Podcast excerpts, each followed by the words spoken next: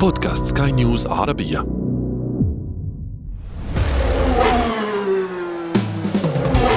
محركات برعاية موتو برو.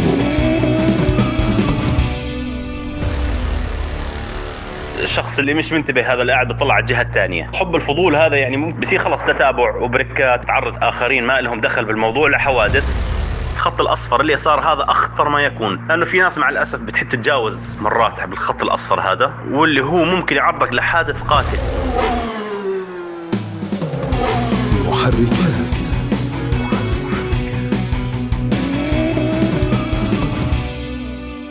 كلنا تعرض يوما لموقف مفاجئ على الطريق والمواقف لا حصر لها.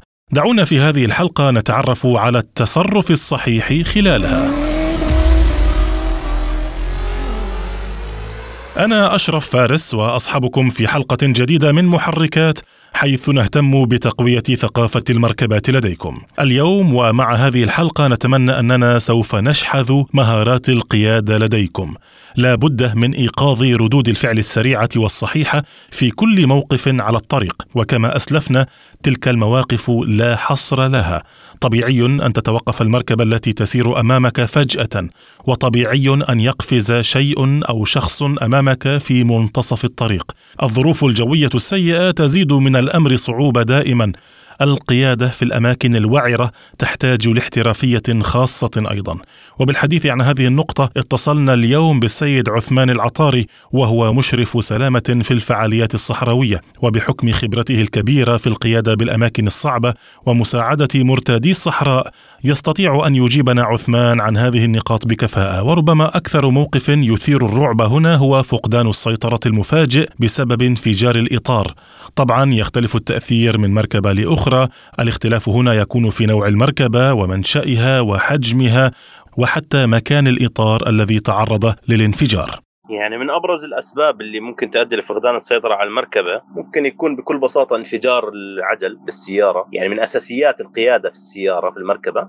إنه يكون آه، العجال عندك صالحة للاستعمال. يعني بشوف ناس آه، بتستعمل إطارات مدتها يعني فوق الخمس ست سنوات. يعني أنت ما بتضر نفسك بس أنت بتضر حتى الأشخاص اللي جنبك. لأنه أنت مجرد انفجار إطار عندك من إطارات السيارة بيؤدي إلى أنك تنحرف عن الشارع. ممكن يكون جنبك سيارة خلفك سيارة أمامك سيارة وتدخل فيهم دايركت. مجرد إنك دخلت فيهم أنت عرضت حياتهم للخطر على سرعة معينة.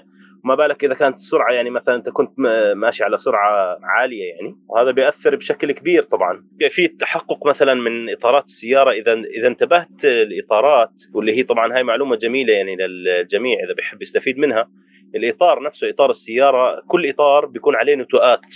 مثل نتوءات هيك جلدية طالعة من الإطار. هلأ كيف كيف تحدد إذا الإطار جديد أو قديم؟ مجرد إنك تمسك هذا هاي النتوءة هذه إذا مطت معك الإطار بحالة جيدة. إذا على طول أول ما مسكتها سحبتها وبتكون ناشفة هذا بدل على إنه الإطار قديم ومهري. وطبعا أسباب الانفجار الإطار المفاجئ عادة بتكون إما من الجو طبعا مع إن الحرارة الشديدة هون فالإطارات طبعا مع الوقت طبعا بتجف. ياخذ حذره يعني من الإطارات وبنتبه عليهم دائما بنتبه للهواء اللي داخل الإطار يعني هذا شغلات مهمة جدا طبعا بالإطار. يفضل إنك تركب ال size أو الحجم اللي مكتوب على السيارة. قد ما تحاول يعني أنت مش اشطر من منتجين أو اللي اللي صنعوا السيارة يعني. يعني هم وجدوا إنه هذا أفضل قياس إلها.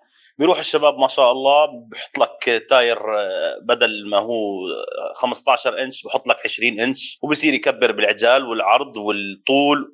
يا ابن الحلال الموضوع مش بهالطريقة هاي يعني أنت في عندك سيارة ولها قياسات معينة وأفضل قياس لها. اللي هو مكتوب على عند جهة السائق بتكون هذا الملصق اللي عند الباب. الموقف التالي الأكثر شيوعا هو التوقف المفاجئ للمركبة التي أمامك. طبعا هذا الموقف لا يسر أحد، لكن على كل حال هناك أسباب كثيرة لذلك، وقد يكون هذا الموقف هو الأكثر خطرا خاصة في الطرق الخارجية. في النهاية بشيء من الخبرة يستطيع أي سائق أن يتوقع هذه المواقف مسبقا وأن يتعامل معها بالطريقة الصحيحة. يعني هذيك اليوم مثلا كان في حادث على الجهة المقابلة لنا يعني مش جهتنا نحن. والسير كان ماشي يعني إحنا ما عندنا أي شيء بمسربنا. مع الأسف الناس وقفت عشان تطلع على الجهة الثانية. يعني أنتم شكلتوا خطر لكل قائدي المركبات اللي على الجهة الأساسية اللي هي جهتنا نحن. هذا عبارة عن فضول يعني حب حب معرفة للي بيصير على الجهة الثانية. أنت يعني ممكن تعرض لناس آخرين ما لهم دخل بالموضوع لحوادث طب يعني أنا مثلا يعني الشخص اللي اللي مش منتبه هذا اللي قاعد بيطلع على الجهة الثانية. بس خلص حب الفضول هذا يعني ممكن يعني بصير خلص تتابع وبركات. وبصير تؤدي لحوادث طبعا.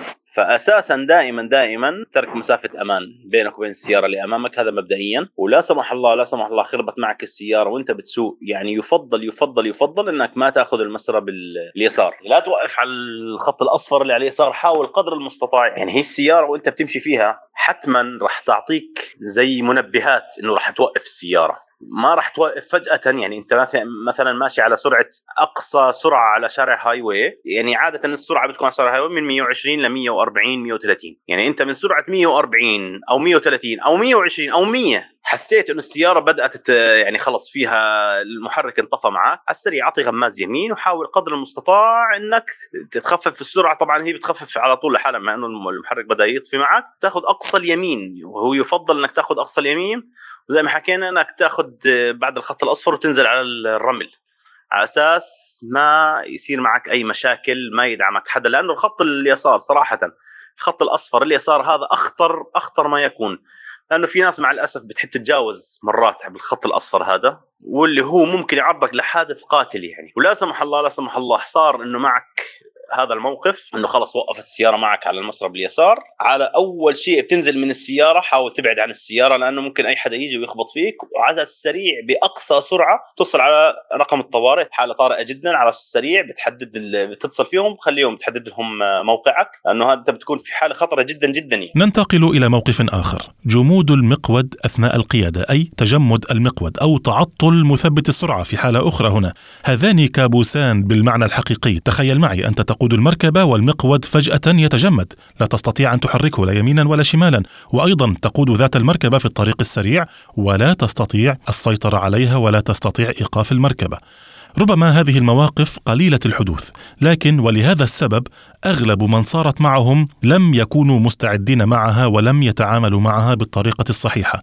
طبعا الأسباب غالبا هي أعطال فنية وحتى المركبات الحديثة ليست بمنأ عن هذه الأعطال فكيف نتصرف في هاتين الحالتين يا ترى؟ أسباب جمود المقود أثناء القيادة يعني بيكون مثلا شيء اللي هو اسمه الموتور راك في عندك شغلة اسمها ال motor rack السيارات الكهربائيه تخرب. هذا ال motor rack ممكن يخرب معك عبارة عن زي قطعة هيك تكون موصولة بال steering آه، بيكون زي موتور فيها موتور محرك بتكون خربت. هاي بتؤدي إلى إنه مثلا المقود يصير جامد هيك قاسي كثير يعني ما تعرف لا تلف لا يمين يسار. بتصلح. مش شغلة كبيرة يعني ممكن تصلح بكل بساطة على أي يا إما الوكالة يا إما الميكانيكية الشاطرين طبعا. خلينا نبعد عن الميكانيكية اللي هم أي كلام لأنه ممكن يخرب لك أكثر إذا ما بفهم بالموضوع. انت ماشي مثلا وخرب معك هذا المخود مثل ما حكينا طبعا تضرب أربع أشاير أربع إشارات أهم شيء وبتأخذ أقصى اليمين تبعد عن الشارع العام قدر المستطاع. الخط الأصفر والرمل تبعد لورا لورا للخلف للخلف. أساس ما يصير معك أي حوادث. هي السيارات الإلكترونية الجديدة معظمها صار فيها حساسات وإلكترونيات فهاي الشغلات يعني يتوقع حدوثها بأي وقت.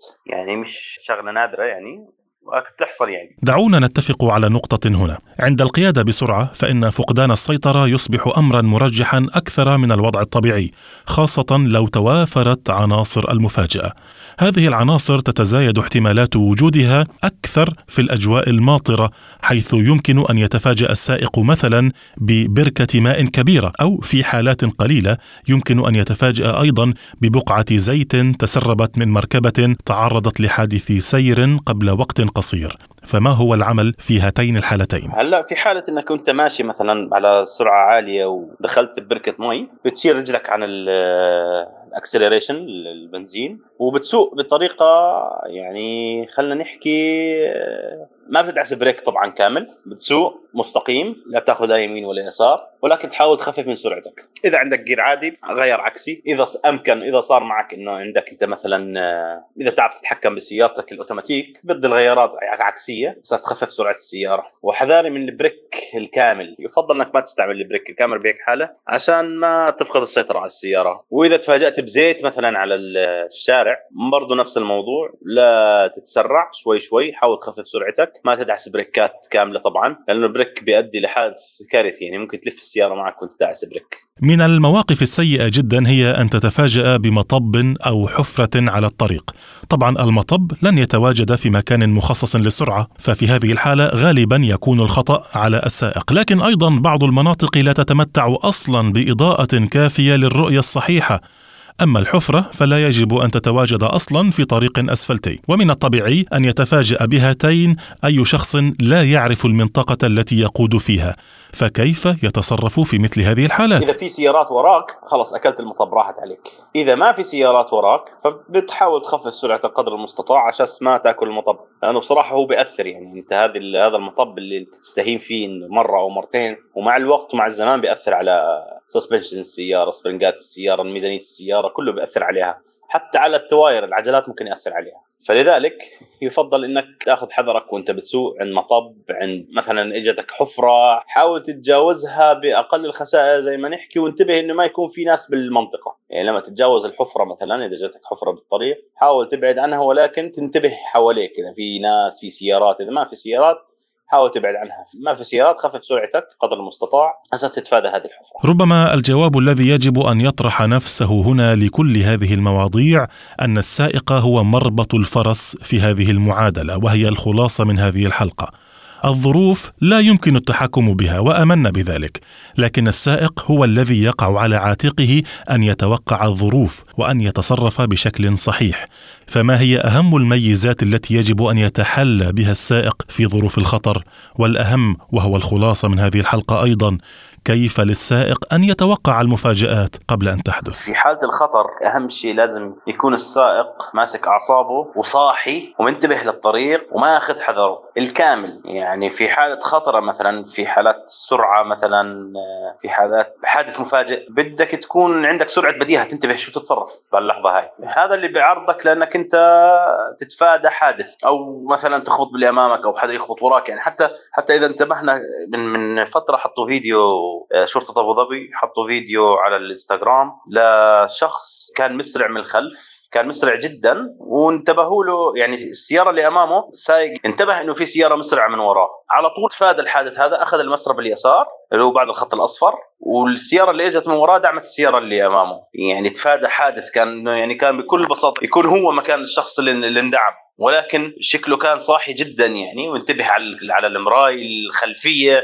منتبه من أمامه ومن خلفه فإنسان ذكي. هو أكيد الخطأ مش عليه الخطأ من الخلف ولكن هو إنسان عنده سرعة بديهة ومنتبه صاحي للشارع كامل. طبعا ما ننسى طبعا موضوع التليفونات إنك ماسك تليفون و70% من الشارع ما شاء الله الشباب على التليفونات. ماسكة تليفوناتها وعلى شغلات تافهة بتسوق وماسكة التليفونات وطارت حياة التانيين للخطر مع الأسف يعني. فبدك تكون صاحي وانت ماشي بالشارع بدك تكون صاحي يعني. تتوقع إنه في والله مشكلة جايتك في حادث راح يصير لك فيها فبكون الواحد صاحي منتبه لأنه الناس صراحة مش صاحي المسرب اليسار دائما بتكون يعني أنت شايف السيارة اللي أمامك واللي أمام أمامك واللي أمام أمامها وأنت ماشي. فبتكون حذر وعارف شو اللي صاير. وهذا طبعا بالإضافة لأنك تكون شايف اللي وراك واللي يمينك واللي يسارك إذا حبيت تتجاوز أو شغلة. ولكن السيارات اللي أمامك واللي خلفك دائما لازم عينيك عليهم. عشان تعرف لا سمح الله أنه حدث وقوف مفاجئ بشكل مفاجئ سيارات توقفت قدامك بدك تعرف كيف تتصرف على السريع. يعني مرات في حالات بيضطر الواحد إنه إذا صار مثلا حدوث وقوف مفاجئ وحظك إنه في عندك المسرب الأصفر وشفت اللي وراك مسرع جدا على السريع حاول تبعد عنه لأنه ممكن يدعمك. بدك تكون صاحي خصوصا يعني لما يكون في تحس الشارع إنه هيك مثلا في شوية زحمة مثلا خصوصا أيام ترويحه من الدوامات أو الصبح رايحين للمدارس والشغل والدوام. دائما الواحد بيكون صاحي بهيك حالات. محركات.